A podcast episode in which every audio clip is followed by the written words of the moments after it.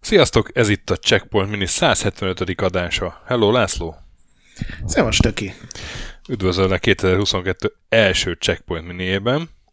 A Checkpoint Miniket kicsit hanyagoltuk, mert az előző három adás az nem Checkpoint Mini volt, úgyhogy most gyors ütemben kijön három Checkpoint Mini, csak hogy a univerzum rendje helyre billenjen. Csapjunk is bele akkor a idei lecsóba. Első minis feldolgozásunk a Blood and Magic amivel én annak idején nem, azaz nem találkoztam. Tudtam róla, hogy mi ez, de hát én Warcraft 2-vel játszottam le inkább akkor tájt, meg ugye már kijött a Red Alert is, akkor már azzal, és ezt így nem tudom, valamelyik koleszos emberkének láttam a gépén, de lefitymálóan hümmögtem rá. Nem tudom képzelni a fiatal stökit, amint így fitymálva hümmög. Igen, de figyelj, te, te láttad, tudod, hogy van ez a játék, a Warcraft 2? Majd tudod, hogy már, már van ez? ja, én csak újságban láttam, és mindig rohadtul meg akartam nézni, mert nagyon érdekelt. Ak- akkor játszottam AD&D-t, uh-huh. ugye én is, uh, és ez így rohadtul piszkálta a fantáziámat, hogy, hogy AD&D, meg Forgotten Realms, és közben még egy RTS is, és nagyon szépnek tűnt valahogy akkor ilyen, igen, igen. ilyen klasszikusan pixeles, szép grafikája van. Nyilván ez bizonyos szempontból elmaradott volt már akkor is, de valahogy így tetszett, és sose próbáltam ki, pedig nyilván az utóbbi évtizedben már ez így könnyű lett volna. Úgyhogy becsempésztem a listára, a mini listára, és teljesen megdöbbentett, hogy ezt választottad. Azért, mert én ugyanígy jártam, mint te, hogy nekem is kimaradt, és gondoltam, akkor, hát akkor próbáljam már ki én is végre, Na. de akkor ezek szerint sikerült, lehet, hogy először a Checkpoint történetében, minik tör, Checkpoint minik történetében egy olyan játékot választani, amit egyikünk se játszott. Ez hát, elég csak jó. volt már ilyen, amikor megjelent, ugye, de igen. Igen, hát nekem így az az, az, az összbenyomásom, hogy ha ez a játék kettő vagy akár másfél évvel korábban jelenik meg, akkor valószínűleg én ezt imádtam volna és az a nagy tragédiája neki, hogy ez egyszerűen túl késő jött ki már. Igen, és ahogy néztem, ez a fejlesztőknek is a nagy tragédiája, mert szerintem egyrészt szinte semmit nem tudni róluk, de hogy úgy nagyjából ez az egyetlen egy játékuk, ami így megjelent és napvilágot látott. Igen, hát a fejlesztő az a Tachyon Studios nevű amerikai cég. Utána néztem, a Tachyon egy olyan elméleti részecske, amelyik uh, nagyobb sebességgel halad, mint a fény és a legtöbb fizikus elutasítja a létezését. Hát a, a játékvilág is elutasította a létezésüket, miután így bejelentkeztek, sajnos. Jaj, hát vagy hát annyira, nem annyira tudtam, hogy számíthatok rá, hogy feldobom, akkor ezt le fogod csapni. szóval a stúdiót 1992-ben alapította Chris Aiden, aki korábban Sierra kalandjátékokon palérozta magát, és 5 évvel később, 1997-ben bezárta a stúdiót, nyilván nem függetlenül attól, hogy a 96 végén megjelent Blood and Magic nem lett valami nagy siker. A kiadó az Interplay volt, a, hát a fejlesztők között pedig szintén többnyire volt sierra neveket találunk, a, az ilyen fő designer per író az a Vasken Sire nevű csávó, őt is a Sierra-tól vitte magával a Chris Aiden. Gondolom melegük lett a kalandjátékokból. Hát ott a, a Ken Williamsnek volt egy stílusa, amit így nem feltétlenül mindenki tudott hosszú távon elviselni, és akkor a 90-es évek elejére, amikor már ugye nagyon befutott a szekér, Aha. és a, a Ken Williamsből előttörtek az ilyen jóval nagyobb ambíciók, tudod, hogy film, meg minden, akkor akkor egy olyan három-négy év alatt legalább hat ilyen Sierra-s stúdió alakult. Elmentek mindenféle ilyen korábbi lédek, és akkor ők saját csapatot alapítottak, de nagyon kevés tudott aztán talpon maradni, tehát a Ken Williams, a más nem, a, legalább ezt a gazdasági részt, ezt nagyon értette. Ugye ez a Tachyon stúdió, és mondtad, öt évig létezett körülbelül, és én nem hiszem el, hogy ez volt az első ötletük, tehát ott valami nagyon nagy csöndben meghiúsult projektek még lehettek. Hát igen, az gyanús, hogy 92-ben alakultak, és 96-ban jelent csak meg az első já- és utolsó játékuk. Ö, valószínűleg. Vagy, vagy ezt csinálták olyan sokáig, de nem hiszem, tehát, hogy 92-ben ők egy RTS-be kezdtek volna bele. Nem, nem, nem, nem. nem. azért az kicsit korai. Találtam még egy ilyen 97 legelején egy, egy másik volt Sierrást, aki belépett a csapatba, és ő arról beszélt, hogy most végre PlayStation játékokon fognak dolgozni, mert hogy az a jövő, amiben egyrészt valamilyen szinten igaza lett, de szerencsétlen oda ment dolgozni, és szerintem egy három hónap múlva már lehúzta a rolót a cég. Szóval ez egy valós idejű stratégiai játék, ami a Dungeons and Dragons világába játszódik, konkrétan Forgotten Realms-be, és ott is egy, egy korábban nem említett területen, aminek Utter East a neve a játékban. Szép hosszú wikia van a Forgotten Realms wikin, egyébként ilyen Igen. rajongók alaposan kivesézték. Ö, és hát nekem leginkább az volt a bajom így játszva vele, hogy rettetesen lassúnak találtam uh-huh. a tempóját. Ugye ugyanez a bajom megvan a Dune 2-vel is, meg az első warcraft is, tehát hogy azokkal én ma már nem nagyon játszom. A Warcraft 2-vel már igen, tehát az, az, az, annak már olyan a tempója, hogy azzal, azzal simán eljátszogatok. De hát annak idején ugye ez, ez azért megszoktuk, hogy a Dune 2 tehát hogy nem tudtuk, hogy ez lehet gyorsabb, vagy nem, nem volt más, és a warcraft Szerintem is... ez a játék lassabb, mint a Warcraft 1. Tök lassú a Warcraft 1 egyébként, ha kipróbálod, lassabb, mint amire emlékeztél. De lehet, hogy még annál is lassabb, igen. Csak az a probléma, hogy ugye ez, ez már a Warcraft 2 után egy éve jelent meg, és, és ott, ott, ott már ez, ezzel nem tudott egyszerűen szegény labdába rúgni, miközben szerintem a grafikája az, az tök jó, az nekem nagyon tetszik most is a olyan Hát kicsit olyan csiricsáré, de, de tetszik, ahogy meg vannak rajzolva pár pixelből a zombi, meg pár pixelből a, ugye az alapegység a bazál gólem, bazális gólem, nem tudom, hogy fordítsam ezt, mert hogy nem bazalt, hanem valami. Mit jelent az, hogy bazál? Én megnéztem, és magyarul ez azt jelenti, hogy alapvető. Alapvető? Ja, hogy mint a basic?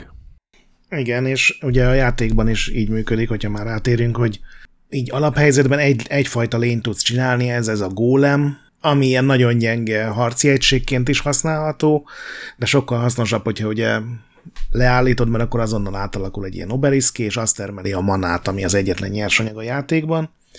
És normál egységeket mindenféle fantazi szörnyek, meg fantazi kasztok, tehát van varázsló, meg paladin, meg vannak uh, gnómok, meg törpék, de vannak zombik, szellemek, uh, ilyen nem sárkány, hanem ilyen virm nevű ilyen repülőkígyók, meg mindenféle lény, azokat ezekből a bazalt gólemekből tudod gyártani, hogyha bezavarod őket egy ilyen épület mellé, és akkor ott vársz egy kicsit, akkor átalakulnak, ami egyfelől szerintem roppant hülye dolog, hogy van egy gólemed, egy ilyen láthatóan sziklából készült lény, és oda küldöd egy kriptához, és akkor a gólemből hirtelen egy szellem válik, vagy egy zombi. Tehát ez... Én biztos vagyok benne, hogy erre utólag húzták rá az AD&D-t, mert ez ilyet nem találnak ki, vagy nem hagynak Gyanús, jóvá nagyon a, a TSR-nál, hogy azért rakták oda abba a részbe is a forgott hogy ahol még senki se járt, hogy jó van, csináljatok, amit akartok. De a játékmenetnek tényleg ez a lényege, hogy termeld ezeket a gólemeket, azok termelik a manát, és akkor egy idő után, amikor már egy ilyen erdőnyi vagy falunyi mennyiségű ilyen gólemed van, és már ömlik be a mana, akkor neki lehet állni őket átalakítani ilyen nagyobb lényekké. És onnantól kezdve meg már elég egyértelmű, hogy igen, és viszont ha, ha meg négy gólemet egy ilyen platformra egymás mellé állítasz, vagy egy Matrixba, akkor, akkor meg épületé tudnak átalakulni, még azt is mondjuk el. Igen, igen, ugye az épületek fix helyen lehet őket fölhúzni, tehát itt nincsen városépítés sem, mint egy Warcraftban, hanem tényleg ez van, hogy a pályán így vándorolsz, és ha látsz egy ilyen felhúzott alapot, akkor oda lehet a négy gólemet berakni, és akkor ilyen teljesen logikátlannak tűn nekem, hogy most éppen egy kripta lesz belőle, vagy egy ilyen jó jellemű lényeket gyártó épület, és onnantól kezdve az egy ilyen, hát nem termelőhelyként működik, hanem hogyha oda küldöd mellé ezeket a Toborzó bazális hely. gólemeket, igen, akkor azok átalakulnak. Vagy mint egy ilyen harci, harci iskola, és akkor igen. El, ott át tudja képezni magát a gólem. Igen, K- élő halottan. Igen. Különben, ha így ezt, ezeket a hülyeségeket leszámítjuk, hogy hogy lesz a gólemből élő halott, akkor nekem, nekem tetszett, hogy ilyen nagyon más ez a játékmechanika, de aztán utána olvastam, hogy, hogy ezt igazából sokan nem szerették, vagy hát találtak benne kivetni valót, például, hogy nagyon könnyen lehetett ilyen végtelen mana gyárakat csinálni. Hogyha elég sok gólemed volt, akkor már olyan ütemben tudtad termelni őket, még akkor is, ha egyik-másik elfogyott, hogy, hogy mindig újra termelődött a manapúlod, akármennyit költöttél belőle. Igen, és ez ugye mind, ez mind úgy működik, hogy nem kell kimozdulnod a, az egyébként elpusztíthatatlan bázisodról. Igen. Tehát minden egyes meccsnek az az eleje, igen, hogy csinálsz 20 ilyen gólemet, aztán azok annyi manát termelnek, hogy már tudsz 40 gólemet csinálni, és akkor nagyjából elkezdhetsz ugyanezekből a gólemekből így, így szörnyeket gyártani, és aztán azzal lehet gyártani. Uh-huh. Nem, ez tényleg azért baj, mert így nem, nincs, nem vagy soha rákényszerülve, tudod, a Warcraftban is volt igen, olyan pálya, igen, amikor igen. körbe voltál véve erdővel, de nem volt arany, és akkor gyorsan ki kellett vágni annyi fát, hogy hozzájussál a bány. Tehát, hogy ezzel így tökre változatossá lehetett tenni a, a küldetéseket, itt semmilyen igen, és hát valószínűleg a, a, ugye ez van benne multiplayer is, valószínűleg nem volt túl szórakoztató ennek a multiplayer meccsei. Igen, hát az első 20 perc az az, hogy a gólemeket így, így tenyésztetted. Igen. Meg még van egy dolog, amit én találtam, ami engem nem idegesített, de annó minden teszt megemlítette, meg, meg ilyen visszaemlékezések, amiből egyébként elég kevés van, hogy hogy ezek a gólemeket, ha magukra hagyod, akkor elkezdenek manát termelni, ami úgy néz ki, hogy legfeljebb 10 mana lehet rajtuk, és utána, hogyha még vársz 20 másodpercet körülbelül, akkor azokat átküldi neked. De ha jobb, nyomsz egy jobb gombot rajta, akkor bármikor le lehet szüretelni, akkor is, hogyha mit tudom én, még csak négy mana van rajta. És ezt rohadtul utálta mindenki, hogy így jobb gombokat kell nyomogatnia. Ja, hogy így mikromenedzselni kell. Igen, de annyira rohadt lassú az egész, hogy ez a 20 másodperc az elrepül, mert, mert, mert hogyha így seregeket irányítasz, azokat így, tehát az, hogy egy ilyen egymező széles vágányon átküld őket, az még szörnyűbb, mint hogyha amikor Red Alertben akartál átküldeni 30 tankot egy vékony hídon. Ugye azok is megfordultak, nem tudott átmenni, akkor a másik is megállt, és visszafordult, és ez ugyanez, csak még, még a tempójuk is iszonyú lassú. Igen, hát az útkereső algoritmus is, meg a, egyébként az AI is, ezek a, a korai RTS-eknek a ilyen gyerekbetegségeitől szenved. Szóval Igen. Nem, nem tud combos egyik se.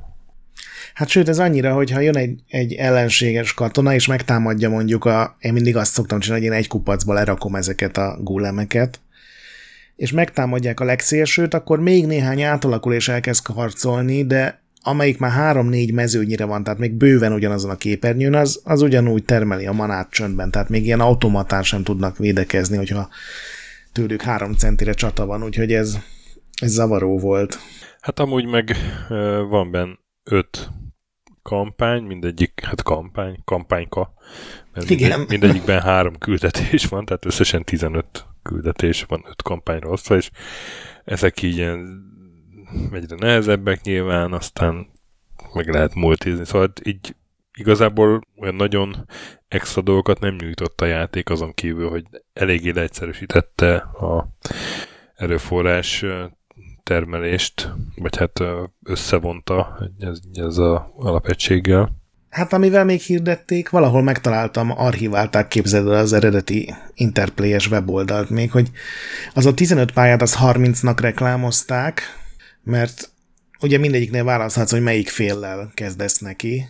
Az sajnos a pályák tök ugyanazok, csak tényleg a másik sarokból indulsz. Ugye ezt a Red sokkal jobban oldották meg mondjuk meg a Command Conquer-ben, hogy még ha esetleg ugyanaz volt a pálya, akkor is más volt a mondjuk a győzelmi követelmény, vagy azért nem teljesen ugyanaz volt a pálya, hanem egy kicsit más. Itt ez nincs így. És aztán, ha végigjátszod mind az ötöt, akkor megnyílik a random kampány, ami amúgy nem feltétlenül hülyeség, ott, ott csinálhatsz te magad egy ilyen fő varázsló karaktert, akit elnevezhetsz, meg adhatsz neki másik színű ruhát, meg ott ilyen nagyon faszavarástárgyakat is lehet találni, azt nem tudom miért csak oda tartogatták egyébként. És akkor az, az a random kampánynak a lényege, hogy ugye van ez a 15-ször két pálya, és abból véletlenszerűen nyilván elér dobálgat azt hiszem tizet, és az a nagy kampány.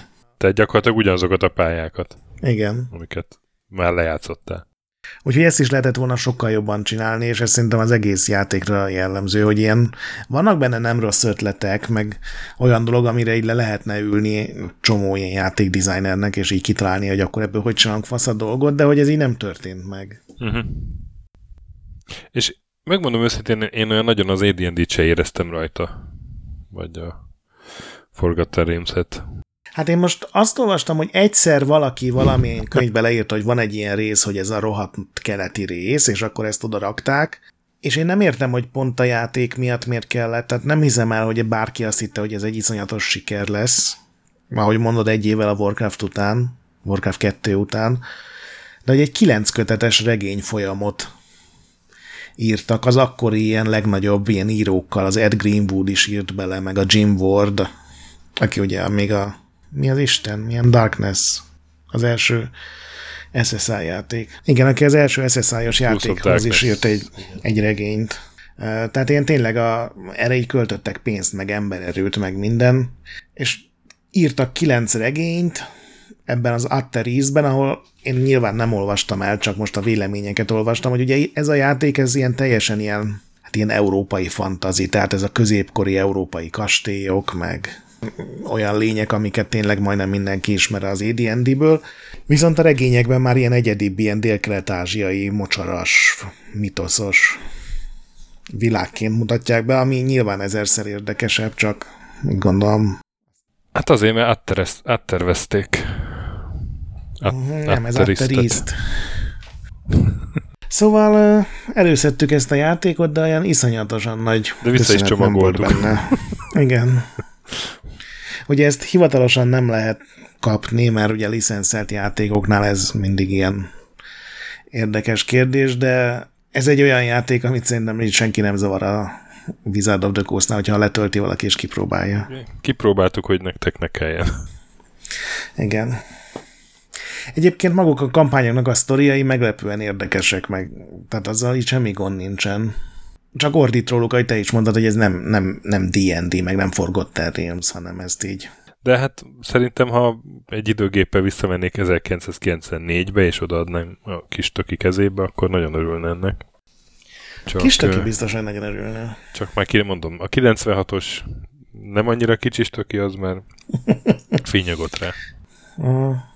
Sőt, 97-es, vagy, vagy mikor jelent ez meg? 90? Nem, 96, 96 november jelent. volt igen, Európa, igen. és azt hiszem 97 elején Amerika, akkor még ugye volt ilyen különbség.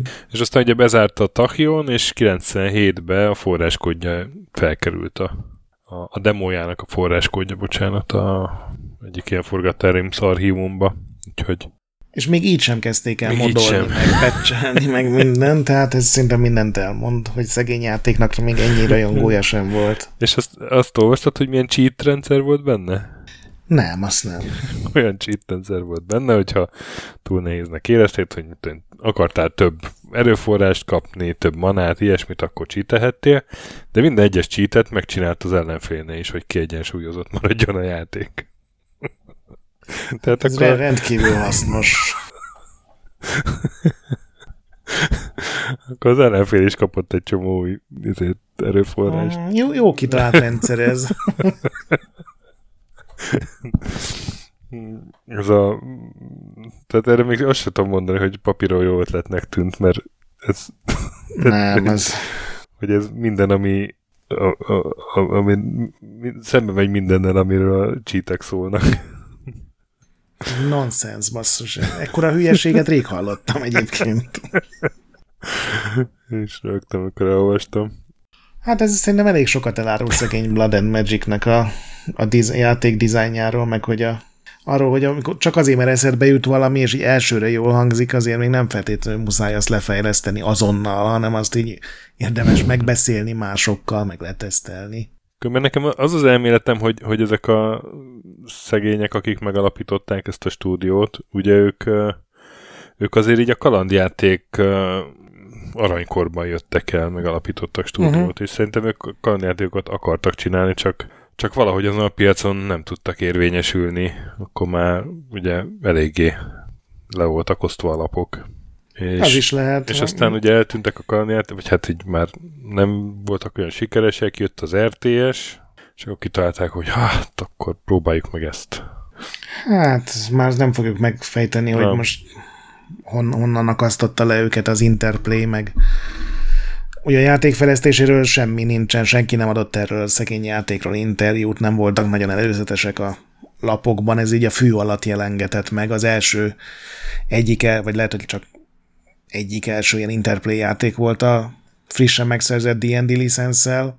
Ugye még jóval a Baldur's Gate meg a Menzo Berranzon előtt vagyunk, és, és szerintem az Interplay így időközben rájött, hogy ezt nem kellett volna, srácok, ezt inkább elhallgatjuk, mindenkinek jobb lesz, úgy aztán nyilván ennek a szegény Tachionnak nem lett jobb, de ja. De a Computer and Video Games című ilyen, nem a Computer Gaming World, az azért is panaszkodott, mert ugye 97 tavasszal tesztelték, ugye Amerikában kicsit késett a megjelenés, és még DOS-ból futott. Tehát ez is jelzi, hogy ez nem a ilyen technikai ilyen lovas volt. Úgyhogy uh, nyilván ez egy olyan panasz, ami ma már így senkit nem érdekel, de akkor már lehet, hogy jobb lett volna egy Windows 95-ös ikont rajzolni neki. Igen, igen. Hát, ez volt a Blood and Magic. ilyen kicsit ilyen évindító játéknak azért nem volt ez jó. Ja, hát uh, még van néhány ilyen senki által nem ismert uh, hivatalos AD&D feldolgozás a tarsolyomban, úgyhogy szerintem majd a jövő januárra tartogatom a Battle Right, azt hiszem az a neve, az is érdekel, volt még a Bíbor Holdba volt fasz a lelkes leírás. Jó, hát legközelebb jövünk hogy másik játékkal. Aminiben egy jobb játékkal. És top listával, igen. Egy, hát egy, egy klasszikussal, amit viszont nagyon sokan ismernek, ezt már most így elárulom, és, és aztán megyünk tovább 2022-ben. Addig is játszatok sokat, hmm, inkább a Warcraft 2-vel, mint a Blood and Magic-kel. Mentsetek a boss fightok előtt, kövessetek minket Discordon, iTunes-on, Patreonon, Spotify-on, a Facebookon, remélem mindent már, már csak TikTokot kéne valahogy meghódítani. Meg a OnlyFans. Hát, ja. Ami késik, az múlik. És olvasatok Retrolandet, meg hallgassatok képtelen krónikát, mert ezeket is mi csináljuk. A nagy pixel pedig továbbra is gyönyörű, egyébként a Blood and Magic-ben tényleg az. Sziasztok! Sziasztok!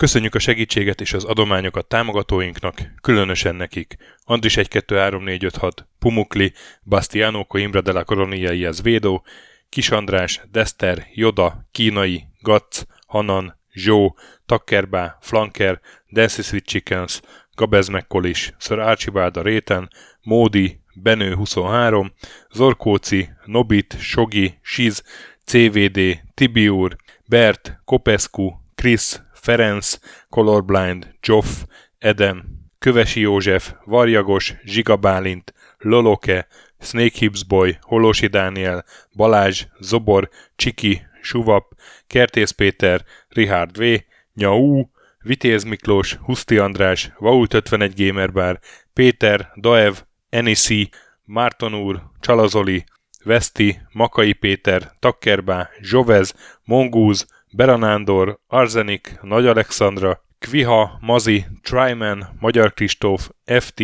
Creed 23, Invi, Kuruc Ádám, Jedi, Harvester Marc, Igor, Pixelever, Oprüke, Esring, Szaszamester, Kopasz Nagyhajú, Kecskés János, MacMiger, Dvorski Dániel, Dénes, Kozmér Joe, Fábián Ákos, Tomek G, Maz, Mr. Corley, Nagy Gyula, Gergely B, Sakali, Sorel, Naturlecsó, Devencs, Kaktusz, Tom, Jed, Apai Márton, Balcó, Alagi úr, Judgebred, László, Kurunci Gábor, Opat, Jani bácsi, Dabrowski Ádám, Gévas, Zabolik, Kákris, Alternisztom, Logan, Hédi, Tomiszt, Att, Gyuri, Kevin Hun, Zobug, Balog Tamás, Ellászló, Gombos Márk, Valisz, Hekkés Lángos, Szati, Rudimester, Sancho Musax, Elektronikus Bárány, Nand, Valand, Jancsa Burgerpápa Jani, Deadlock, Csédani, Hídnyugatra Podcast, Lavkó Maruni,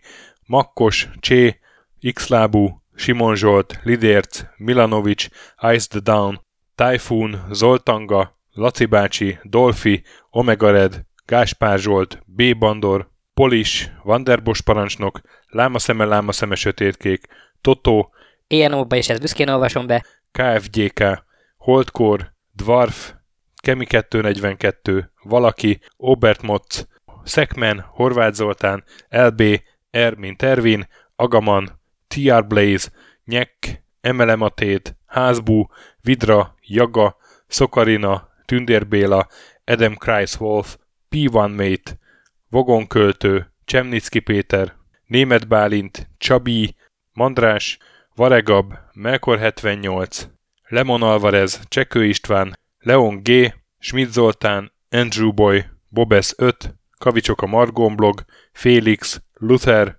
Hardy, Rozmi, Klisz Gábor, Cséplő Péter, Kinorányi Dávid és Darmos Gergely. Nagyon köszönjük nekik!